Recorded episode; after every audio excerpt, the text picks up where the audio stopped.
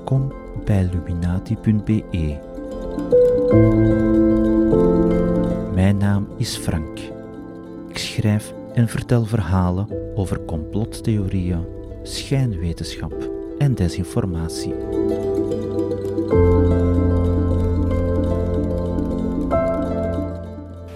that the surface of the earth is round, there, there can be no question.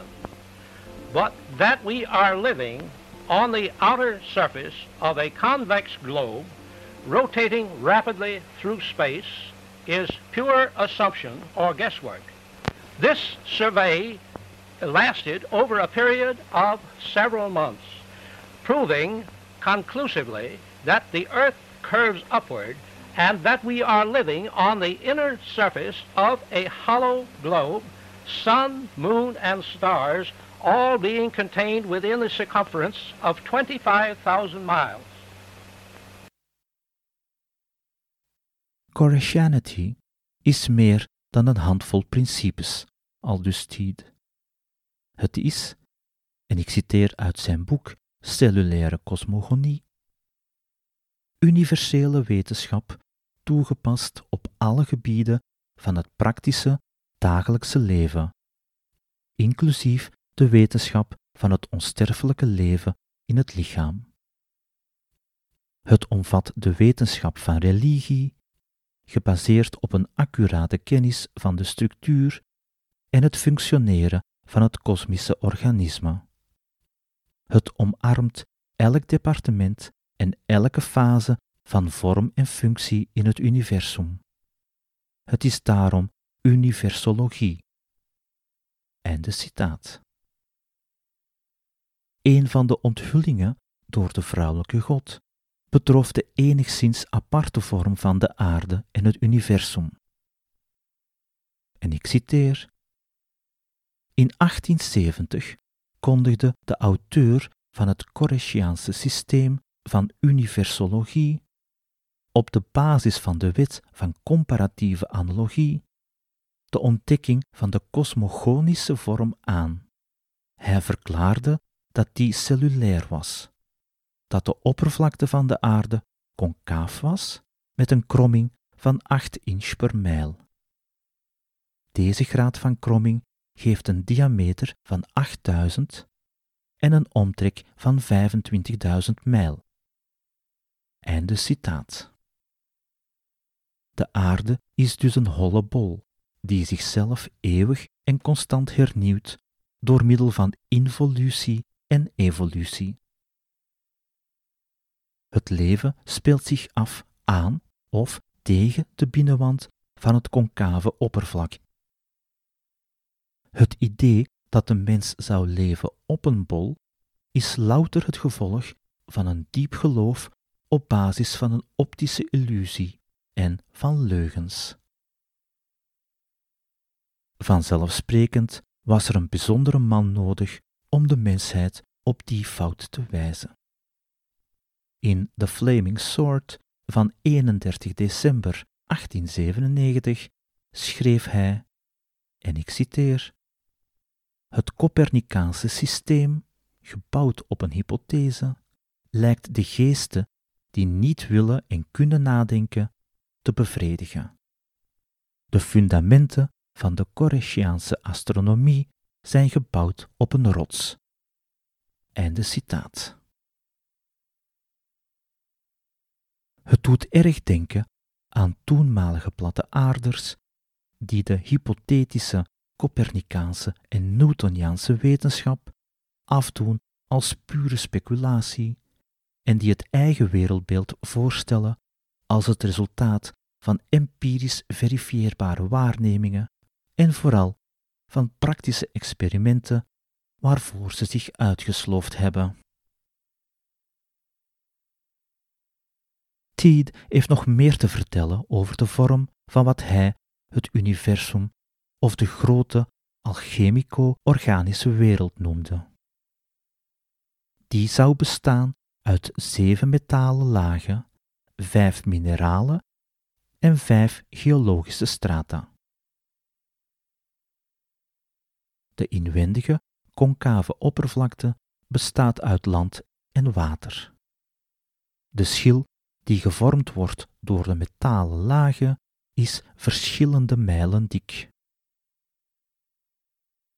In de holle aarde bevinden zich nog eens drie lagen, drie atmosferen.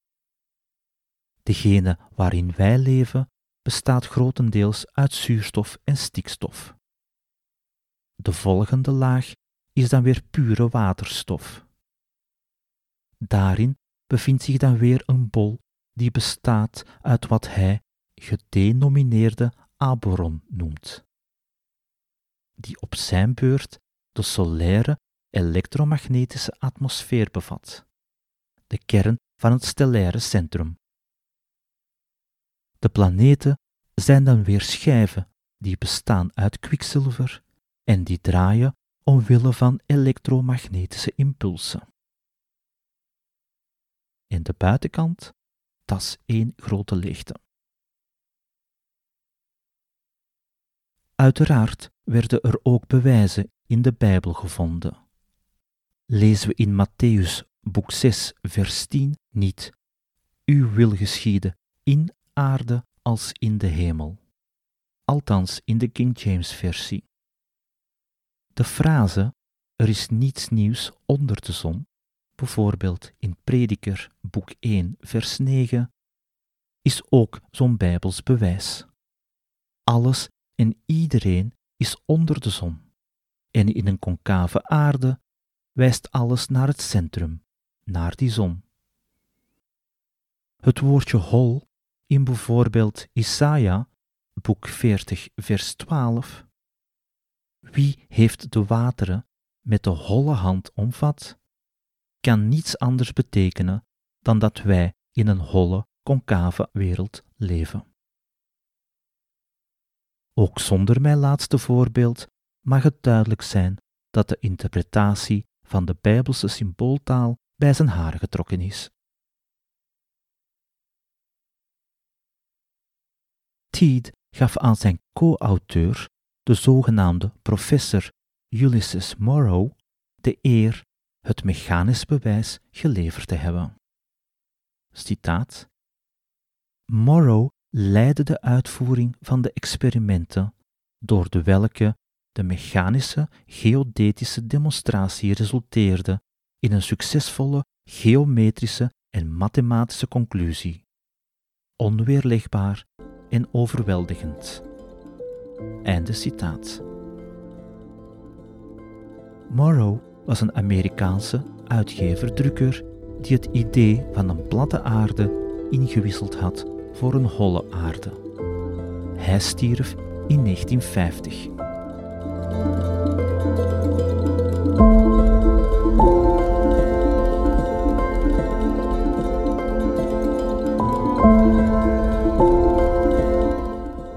Ondanks het ogenschijnlijke succes van Cyrus Teed, de oprichting van de Correction Unity in Chicago, leek de gemeenschap te lijden onder de processen die jaloerse mannen aanspanden en onder de aanhoudende aandacht van de media. Die kwam al bij al vrij agressief uit de hoek. Koresh interpreteerde die negatieve persberichten als een bewijs dat zij, net als Jezus in zijn gloriedagen, vervolgd werden. Maar toen de leden vernamen dat er in Florida een behoorlijk stuk grond te koop werd aangeboden, toonde Koresh interesse. Hij ging met twee van zijn naaste medewerksters op prospectie. Aanvankelijk was het domein te duur, maar de verkoper wijzigde zijn prijs nadat hij kennis had gemaakt met Koresh tijdschrift The Flaming Sword.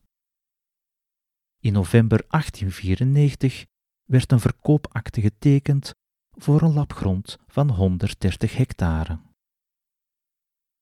Tegen 1903 was de verhuis rond en bevonden zich zo'n 200 Koreshianen zich in hun nieuw Jeruzalem, namelijk Estero, in de staat Florida.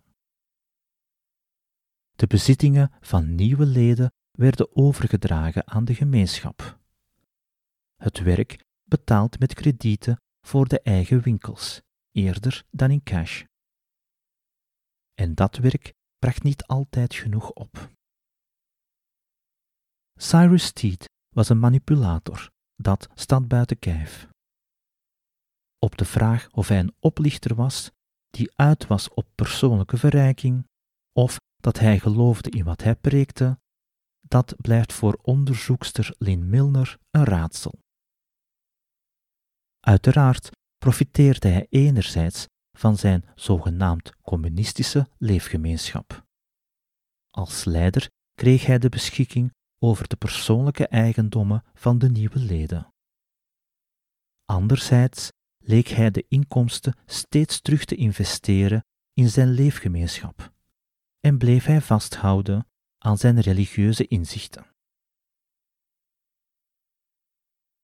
Voor de Noorderlingen uit Chicago moet de schok enorm zijn geweest. Chicago kent vier seizoenen, met relatief warme zomers en koude winters. Estero deelt grotendeels het tropisch moessonklimaat van Fort Myers. Maar niet alleen het tropische klimaat moet klappen uitgedeeld hebben. De Koreshianen moesten de handen uit de mouwen steken om hun nieuw Jeruzalem op te bouwen, in temperaturen die even onbarmhartig waren als de fauna, en meer bepaald insecten en slangen. Tel daarbij het gebrek aan ervaring in constructiewerk en het landbouwbedrijf en, zeker in de beginfase, een vleugje tyfus. De voedselvoorziening verliep aanvankelijk stroef en zorgde voor honger in de gemeenschap. De zogenaamde communistische leefgroep nam de bedrijfsstructuur van Standard Oil in New Jersey als zijn model. De commune begon aandelen uit te schrijven. In 1904 werd de gemeenschap in Estero een bedrijf, met onder meer een elektriciteitsleverancier, betonfabriek, tintslagerij, matrassenfabriekje, hoede- en mandenweverij, schoenwinkel, smidse, drukkerij, wassalon, zagerij en boothersteller. De Corrections kochten in 1906 een meubelfabriek in Bristol, Tennessee, en onderhandelden met de regering van Honduras over een gebied van 81.000 hectare om te koloniseren. Deze informatie heb ik van de website van Peter Hicks, een voormalige ranger van de Correction State Historic Site. Het harde werk weerhield de Koreshianen niet om zich te wijden aan culturele evenementen, zoals de opvoering van Griekse tragedies en kamerconcerten. De volgelingen van Tied waren doorgaans hoogopgeleide, waaronder heel wat geschoolde muzikanten.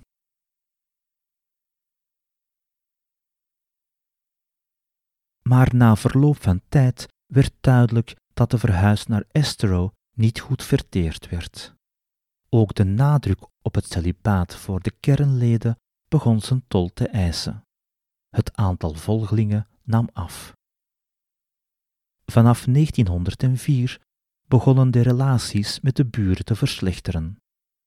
Cyrus begon manieren te verzinnen om aan belastingen en taxen te ontsnappen en stichtte zelfs een politieke partij.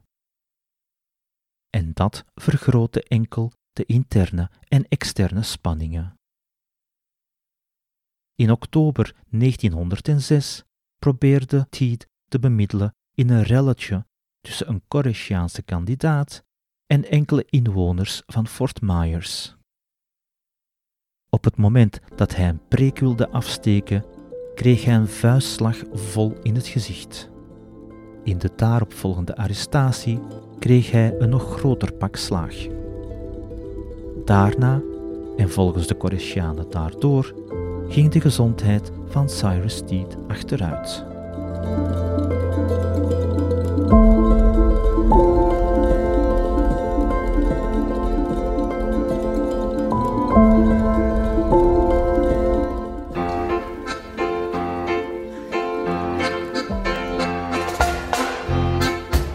Dr. Weimar afgestudeerd aan de vers opgerichte osteopathische school van geneeskunde, observeerde vanaf 22 december 1908 zijn leider nauwgezet.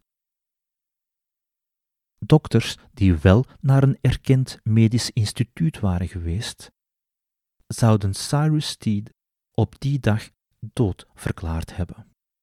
69 jaar oud. Maar de osteopaat begon de veranderingen te noteren. De huid begon donkerder te worden, eerst achter zijn oor, niet veel later over zijn hele gezicht. Vocht met een hint van bloed sijpelde van tussen zijn lippen. Op dat moment geloofde Weimar en andere bezoekende volgelingen dat ze de theocraties van Tied waarnamen. Tied zou de vorm van een vrouw aannemen, herrijzen uit de dood en het laatste gevecht met het kwade aangaan. Terwijl het lijk geleidelijk begon te desintegreren, beschouwden ze de verandering alsof er een nieuw lichaam in de dode werd gevormd.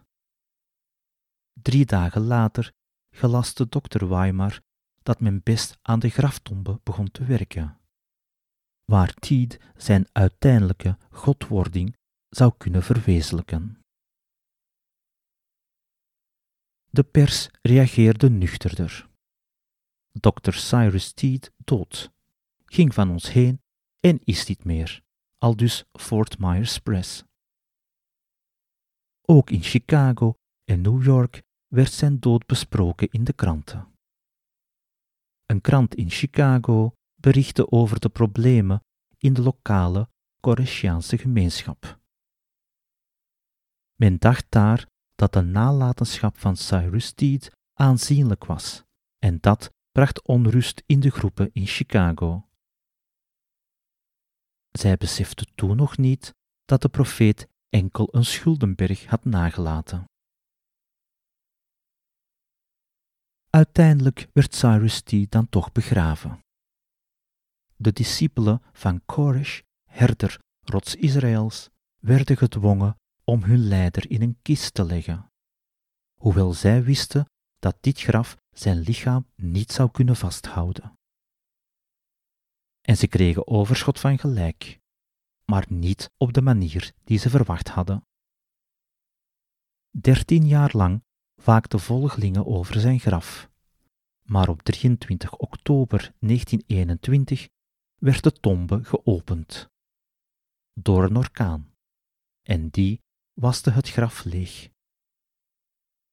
De stoffelijke resten van Tied verdwenen in zee.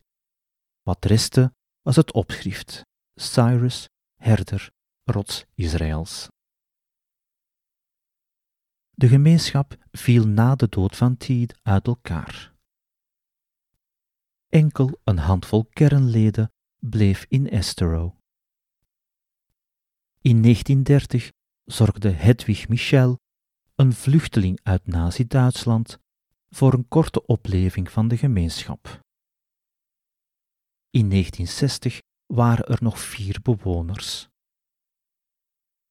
Een jaar later schonk Michel het landgoed aan de staat Florida, in ruil voor het vruchtgebruik en de verzekering dat het landgoed een historisch monument zou worden.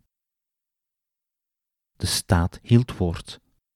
De gebouwen werden onderhouden het archief bewaard en de historische site, de Koreshan Unity Settlement Historic District, is open voor het publiek.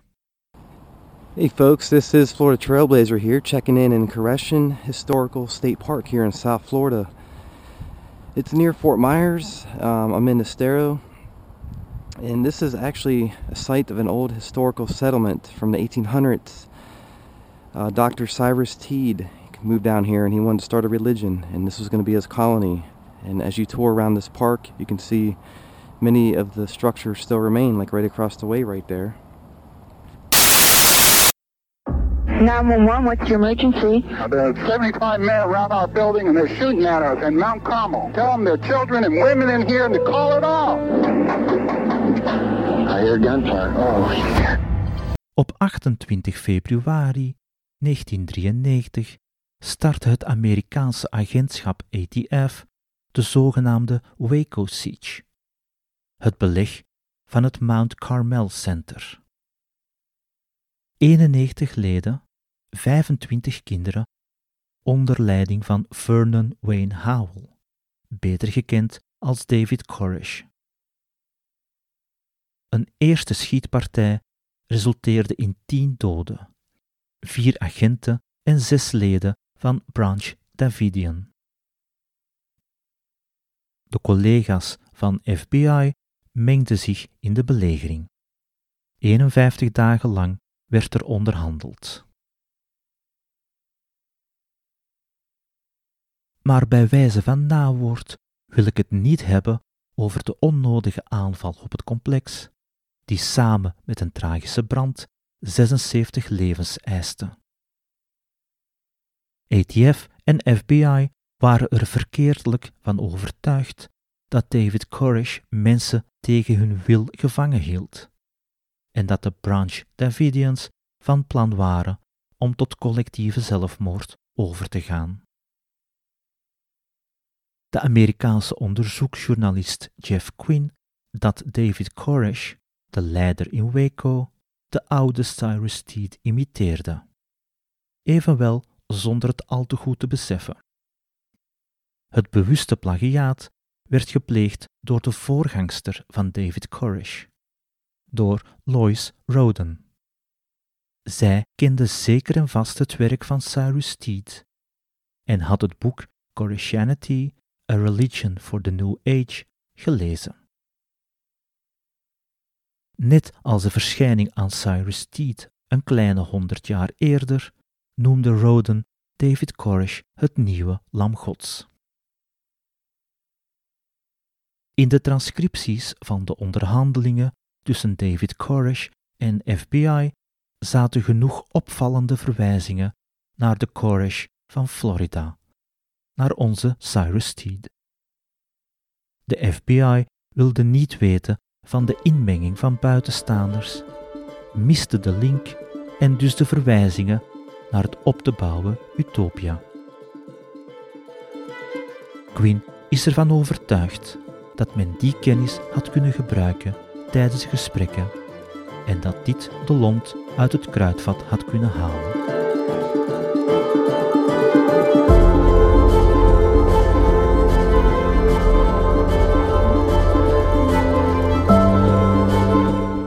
Bedankt voor het luisteren.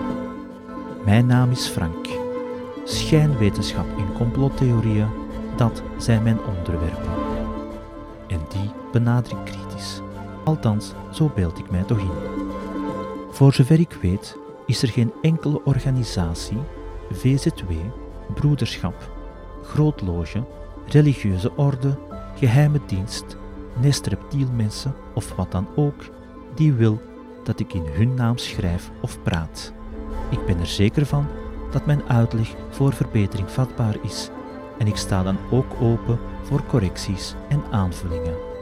U weet mij te vinden.